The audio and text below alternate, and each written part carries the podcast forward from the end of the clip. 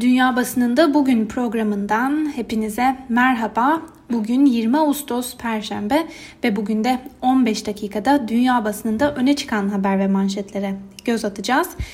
Bültenimize Amerikan basınıyla başlayalım. New York Times gazetesi bugün ilk sayfasına dün de yaptığı gibi Demokratların Ulusal Kongresini taşımış. 3 Kasım'da yapılacak 59. başkanlık seçimleri öncesinde düzenlenen 4 günlük Demokrat Parti kurultayının 3. gününde önceki başkan Barack Obama ve eski Dışişleri Bakanı Hillary Clinton gibi isimler online konuşmalarını yaptı.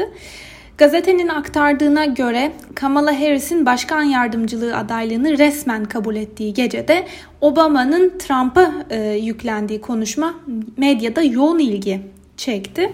Kamala Harris'e ilişkin bir analiz aktarılmış. Buna göre dün Harris'in günüydü ve Harris'ten beklenenler tarihsel bir öneme sahip. 77 yaşındaki Biden'a bu yarışta eşlik edecek olan Harris, olağanüstü umut ve beklentilerle dolu bir başkan yardımcısı adayı. ABD'de yeni tip koronavirüs nedeniyle sanal olarak gerçekleştirilen Demokrat Parti kurultayında eski başkan Barack Obama ABD Başkanı Donald Trump'ın sadece kendisi için çalıştığını ve ülkeye zarar verdiğini savundu. E, gazete Barack Obama'nın özellikle de önümüzdeki 76 günde yapacaklarımız nesiller boyunca konuşulacak ve yankısı hep sürecek sözlerini öne çıkarmış. Öbür taraftan Trump'ın ülkeyi değil sadece kendisini düşündüğünü öne süren Obama, Trump'ı kastederek hiçbir zaman kendini vazifesine vermedi çünkü veremezdi. 4 yıl boyunca iş üretmek, ortak bir zemin bulmak, kendisinden ve arkadaşlarından başkalarına yardım etmek için hiçbir şey yapmadı. Eğer empati ve tevazu arıyorsanız işte o Joe'dur ifadelerini kullandı. Demokratların Ulusal Kongresi Washington Post gazetesinin de önemli gündem maddelerinden biri. Gazetenin aktardığına göre Kamala Harris ve diğer konuşmacılarının dünkü gecede ortak olarak verdikleri mesaj şuydu. Evimiz yanıyor, ülke bir yangın yerine dönmüş durumda. Yangını Trump çıkarttı ama yangını kontrol altına alabilecek kişi de şu an Biden. Gazetenin yorum köşesinde ise Kamala Harris ile ilgili şöyle yazılmış. Kamala Harris dün gece bir kez daha tarih yazdı. Konuşmasında demokratik bir strateji ve birlik mesajlarıyla öne çıktı. Yine gazeteden Artiş Shanani'ye göre Kamala Harris dünkü konuşmasıyla dişi bir alfa olarak yükselme yoluna girdi ve Jennifer Rubin ise demokratlar bize dün bu partinin güçlü ve hırslı kadınların partisi olduğunu bir kez daha hatırlattı diye yazmış. Ve yine Washington Post'tan bu kez Henry Olson ise Biden ve Harris'in dünkü konuşmalarından e, siyah ve Latin Amerikalı seçmene odaklandıklarını belirtiyor. Demokratların Ulusal Kongresi'ne ilişkin aktarılan bu haber ve yorumların ardından New York Times gazetesine geri dönelim ve gazetede öne çıkan e, bir diğer haberi sizlere aktaralım. Senato paneli Rus yetkililerin Trump'ın danışmanlarıyla bağlantılarını buldu başlıklı habere göre. Senato İstihbarat Komisyonu Başkan Donald Trump'ın 2016 seçim kampanyası sırasında kampanya yetkililerinin Rus istihbaratı ile arasında tehdit oluşturabilecek bir iletişim ağı buldu. Donald Trump'ın seçim kampanyası danışmanları ile Kremlin yetkilileri temas kurulan kişilerden en az birinin bir Rus istihbarat yetkilisi olduğu tespit edildi. Bin sayfalık raporda Rus istihbarat yetkililerinin Trump kampanyası çalışanlarını kolayca manipüle edilebilir gördüğü belirtiliyor. New York Times'ın yorum köşesinde de konuya ilişkin şöyle yazılmış. Trump'ın kampanya ekibi 2016'daki seçimleri kazanmak için Rusların yardımını almayı kabul etti. Hepsi bu kadar. Konu kapanmıştır. Buna işbirliği veya gizli anlaşma diyelim. Her ne olursa olsun burada Amerikan demokrasisine aykırı bir süreçten bahsediyoruz. Ve bugün Voice of America'da da öne çıkan bu haberde ise şu ifadelere yer verilmiş. Senato İstihbarat Komisyonu'nun konuyla ilgili bin sayfalık raporunda Başkan Donald Trump'ın yakın çevresinin Rus istihbaratıyla düzenli şekilde temas kurduğu ve bundan fayda sağlamaya çalıştığı belirtildi. Bu haberlerin ardından İngiliz basınında geniş yer bulan bir haberle devam edelim. Britanya'da yeni üniversite dönemi başlarken yüzlerce öğrenci yeni alınan karar sonucunda öğretmenlerin kendilerine vereceği notu alıp üniversitelere yerleşmeyi bekliyor. Ee, ülkenin Eğitim Bakanı Gavin Williams'a bu sürecin karışıklıklarla dolu olmasının ardından istifa et baskıları da sürüyor. İngiltere'de notlandırma konusunda yaşanan e, kaos bugün The Times'ın gündeminde. The Times'ın bugün manşetten verdiği habere göre daha önce hükümetin okulların açılmasını hızlandırma planının dersliklerde koronavirüsün yayılma riskinin düşük olduğunu gösteren araştırmalara dayandığını savunan İngiltere Eğitim Bakanı Gavin Williamson bu konuda da sertçe eleştiriliyordu. Ancak bu kez işler biraz daha büyüdü. Hatta The Times'ın aktardığına göre Williams'ın notlandırma konusunda eksikliklerin olduğu ve bunun kaos ve tepkiye yol açacağı konusunda uyarılmış olmasına rağmen önlem almayı reddetti. Financial Times bugün manşetine Apple firmasının kırdığı tarihi rekoru taşımış. Buna göre ABD'li teknoloji devi Apple hisse piyasalarında yaşanan rally ile birlikte 2 trilyon dolar piyasa büyüklüğüne ulaşan ilk şirket oldu. E, bu tarihi sıçrama sonrasında Apple 2 trilyon dolar ile dünyanın en değerli firması olmuş oldu. Sıradaki haberimize geçelim. Britanya'da koronavirüs salgını nedeniyle kiralarını ödeyemeyenlerin evden çıkarılmasını önleyen geçici düzenlemenin süresi 23 Ağustos'ta sona eriyor. Düzenlemenin devam etmemesi halinde 230 bin kiracının evlerinden çıkarılabileceği tartışılıyor. BBC'nin bugün aktardığına göre ana muhalefetteki İşçi Partisi'nin sözcüsü e, hükümete mektup göndererek ev sahiplerine doğrudan tahliye hakkı veren yasa maddesinin kaldırılması ve kiracılara desteğin arttırılmasını isteyerek aksi halde kaos yaşanabileceği uyarısını yaptı. Öbür taraftan Shelter adlı yardım kuruluşunun verilerine göre de İngiltere'de koronavirüs salgınının başlamasından sonra İngiltere genelinde kiracıların %3'ü kiralarını ödeyemez hale geldi.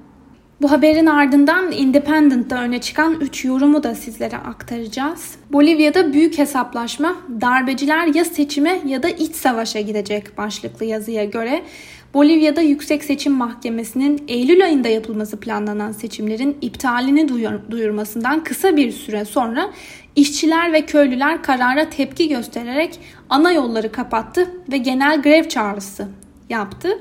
Protestocular darbeci Cumhurbaşkanı Janine Áñez'in geçici hükümetini süresiz iktidarda kalmasına neden olacağı için genel seçimlerin üçüncü kez ertelenmesine karşı çıkıyorlar. Darbeci hükümet artan gösterilerin kontrolden çıkıp hükümeti devirmesinden korkuyor. Anyes hükümeti protestoların hükümeti tehdit etmesine karşılık şiddetin tırmanmasını da teşvik ediyor. Yazıya göre Bolivya sokaklarında protestoların acımasızca bastırılması yüksek bir ihtimal.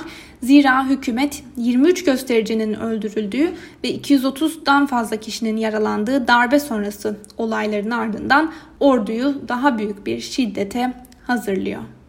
Tarihinde dördüncü kez darbeyle sarsılan Mali'de neler oluyor başlıklı bir diğer yazıya göz atalım. Ülkede uzun süredir yükselme eğilimi gösteren gerilimin ardından salı günü askerlerin başkent Bomaka'da görüldüğü haberleriyle birlikte sıcak saatler yaşanmaya başlanmıştı. İlk olarak Meclis Başkanı, Ekonomi ve Finans Bakanı ve Dışişleri Bakanı'nın alıkonulduğuna dair iddiaların konuşulmasından sonra Cumhurbaşkanı Bubakar Keita'nın da askerler tarafından götürüldüğü belirtilmişti. Muhalif siyasi partiler ve çok sayıda sivil toplum örgütünün oluşturduğu M5 RFP platformunun Mayıs'tan bu yana görevi bırakmasını istediği Keita, meclisi ve hükümeti feshederek istifa ettiğini duyurdu. Keita'yı ve hükümetini deviren darbenin arkasındaki askerler yeniden seçimlere gidilmesini organize etmek üzere sivil bir geçiş hükümeti kurulmasını planladıklarını duyurdu. Öbür taraftan Reuters'ın haberine göre kendilerine Halkın Kurtuluşu Ulusal Komitesi adını veren isyancı grubun sözcüsü Albay İsmail Vak, devlet televizyonunda çarşamba günü yaptığı açıklamada Mali'yi daha fazla kaosa sürüklenmeden kurtarmak için harekete geçme kararı aldıklarını savundu. Yazıya göre Mali yeni bir belirsizliğe sürüklenirken Batı Afrika ülkeleri ekonomik topluluğu üye devletlerin bu ülkeyle kara ve hava sınırlarını kapatma kararı aldığını da bildirdi. Ve Independent'tan aktaracağımız son yazıya da göz atalım. Bilal Sambur'un bugün Belarus'ta özgürlük ve değişim zamanı başlığıyla aktardığı yazıya göre ekonomik hayatın neredeyse tamamının devlet kontrolünde olduğu Belarus'ta ücretler düşük, yolsuzluk ise hat safhada. Lukashenko ve çevresindekiler bir hırsızlık ve talan çetesi olarak ülkeyi soyuyorlar. Bütün tek adam rejimlerinde olduğu gibi Lukashenko da Belarus'u babasının çiftliği gibi kullanıyor. Lukashenko diktatörlüğü 26 yıl boyunca toplumda derin bir öfkenin ve korkunun oluşmasını sağladı. Şimdi ise ülkede Lukashenko rejimine karşı büyük bir genel grev dalgasının başlama ihtimali çok yüksek bir olasılık. Fabrikaların büyük bir bölümünün devlete ait olduğu Belarus'ta bir genel grev dalgasının bütün hayatı felç edecek bir etkide bulunabileceğini de öngörmek zor değil. Tek adam rejimi devam ettiği sürece ülkede demokrasinin özgürlüğün ve barışın gelmeyeceğine inanan Belaruslular bu sefer hem Lukashenko diktatörlüğüne hem de onu koruyan Rusya'ya karşı direniyorlar. Belarus'a ilişkin birkaç yorumla devam edelim. Eurotopics'in aktardığına göre Belarus Devlet Başkanlığı seçiminden sonraki gelişmeler hala belirsizliğini koruyor. Protestolar devam ediyor. Fabrikalar grevde ama devlet başkanı Lukashenko'nun muhalefete ödün vermeye ya da istifa etmeye hiç niyeti yok. Bu yorumun ardından Ukrayna basınından Ne ve Ukrayna gazetesinden Anders Osland'ın bu konudaki köşe yazısını da doğrudan aktaralım. Lukashenko'dan sonra karşı karşıya kalınacak geçiş döneminde Belarus'un nasıl desteklenebileceğini şimdiden düşünmek gerek. Avrupa Birliği'nin olağanüstü zirvesinden ne karar çıktığını bir kenara bırakalım. Batı'nın işin ucunu bırakmaması gerekiyor. Lukashenko düşecek olursa yeni hükümetin iş başına gelmesiyle beraber Belarus'un bir IMF programına ihtiyacı olacaktır. Avrupa Birliği de burada faal bir rol oynayacaktır. Bunun için yeni hükümete olumlu yaklaşılmalı ve bu atılacak adımlar Rusya'nın müdahalesini kısıtlamak ya da hiç değilse en aza indirgemek için ne kadar önemli olduğu küçümsenecek bir konu değil. Ve Bulgar basınından News Bulgaria'da konuya ilişkin epey dikkat çeken bir yazı var. Bu yazıyı da sizlere aktaralım. Gazeteye göre Lukashenko'nun 26 yıl boyunca iktidarda kalabilmesinin tek sebebi uyguladığı baskı ve yarattığı korku değildi. Ancak başkaldırının tek sebebi de ekonomik faktörler değildi. 9,5 milyonluk nüfuslu bu ülkede pratikte işsizlik yok. Ortalama gelir ayda sadece 350 dolar ama hayatta çok ucuz. Elektrik, ısınma, su ve benzeri yan giderler çoğu zaman aile bütçesinin %10'unun altında kalıyor. Gıdada nispeten ucuz sayılır. Kamusal alanda düzen ve temizliğe özen gösteriliyor ve suç oranı da pek yüksek değil. Sovyetler döneminden farklı olarak vergi ya da sosyal kesinti borcu bulunmayanlar yurt dışına da sorunsuzca çıkabiliyorlar. Ancak Belarus halkı şimdi adalet ve demokratik temel haklar talep etmeye başladı. Ne var ki göründüğü kadarıyla bunları elde edemeyecek. Bu yorumların ardından Alman basınında dünden bu yana konuşulan bir haberle devam edelim. İsrail geçtiğimiz hafta ABD Başkanı Donald Trump'ın aracılığıyla Birleşik Arap Emirlikleri ile varılan sürpriz normalleşme anlaşması çerçevesinde Batı Şeria'ya yönelik ilhak planlarını askıya almış ancak uzun vadede tamamen masadan kaldırmamıştı. Anlaşmayı protesto eden Filistinliler e, Birleşik Arap Emirlikleri'nin adımını ihanet olarak nitelendirmişti. Arap dünyasının en büyük ekonomisi olan Suudi Arabistan'ın ise Birleşik Arap Emirlikleri ile İsrail'in attığı bu sürpriz adıma ilişkin sessizliğe bürünmesi dikkat çekmişti. Ancak başta İsrail basını olmak üzere e, İsrail'le normalleşme adımı atmaya hazırlanan diğer ülkelerinde olduğunu hatta bunlardan birinin Suudi Arabistan olabileceğini iddia ederken yerel kaynaklar Riyad'ın benzer bir adım atmasının olası görünmediğini açıklamıştı. Deutsche Welle'nin bugün gündemine taşıdığı e, habere göre Suudi Arabistan İsrail ile Birleşik Arap Emirlikleri'nin diplomatik ilişkilerini yeniden başlatma adımına ilişkin sessizliğini bozdu. Suudi Arabistan Dışişleri Bakanı Prens Faysal bin Ferhan Berlin ziyareti sırasında yaptığı açıklamada İsrail'in Filistin'le bir barış anlaşması imzalayana kadar Birleşik Arap Emirlikleri'nin attığı adımı atmayacağını söyledi. Bin Ferhan bir yandan da İsrail'in Batı Şeria'daki yerleşkeleri gayrimeşru olarak nitelendirerek bunların iki devletli çözüme zarar verdiğini söyledi. Ve bültenimizin sonuna doğru yaklaşırken bir de İspanyol basınından El Pay'da öne çıkan bir haberi sizlere aktaralım. İspanya'da Covid-19'dan son 7 günde 131 kişinin öldüğü bildirilirken vaka sayısı da 3715 artış gösterdi. E, Sağlık Bakanlığı'ndan yapılan açıklamaya göre yeni vakaların üçte biri de Madrid'de. Öbür taraftan vaka sayılarındaki bu hızlı artış eğitim tartışmalarını da beraberinde getirdi. Bunun üzerine Madrid'deki dört büyük sendika Covid-19'a karşı okullarda yeterli önlemin alınmadığını savunarak öğretmenlerin 10 Eylül'de tüm devlet okullarında ve her eğitim kademesinde greve gitmesi kararı aldı. Ve son olarak Türkiye'yi yakından ilgilendiren bir haberle bitirelim bültenimizi. Ee, Bloomberg dün Cumhurbaşkanı ve AKP Genel Başkanı Recep Tayyip Erdoğan'ın Cuma günü bir müjde açıklayacağını duyurmasının ardından Türkiye'nin Karadeniz'de büyük olasılıkla doğal gaz olan bir enerji kaynağı keşfettiğini duyurdu. Ve Euronews Türkçe servisinin edindiği bilgilere göre Cumhurbaşkanı Recep Tayyip Erdoğan'ın Cuma günü açıklayacağız dediği müjde Akdeniz'de tespit edilen bir doğal gaz kaynağı. Bu haber bugün El Cezire'nin de gündemindeydi. E, buna göre Erdoğan'ın halka müjdeli bir haber vereceklerini söylemesinden kısa bir süre sonra Türkiye'nin Karadeniz'de bir enerji kaynağı bulduğu haberleri yayıldı.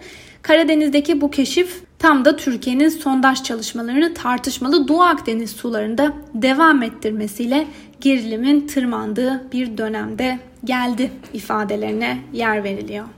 Sevgili Özgür Öz Radyo dinleyicileri, bu haberle birlikte bugünkü programımızın da sonuna geldik. Yarın aynı saatte görüşmek dileğiyle. Hoşçakalın.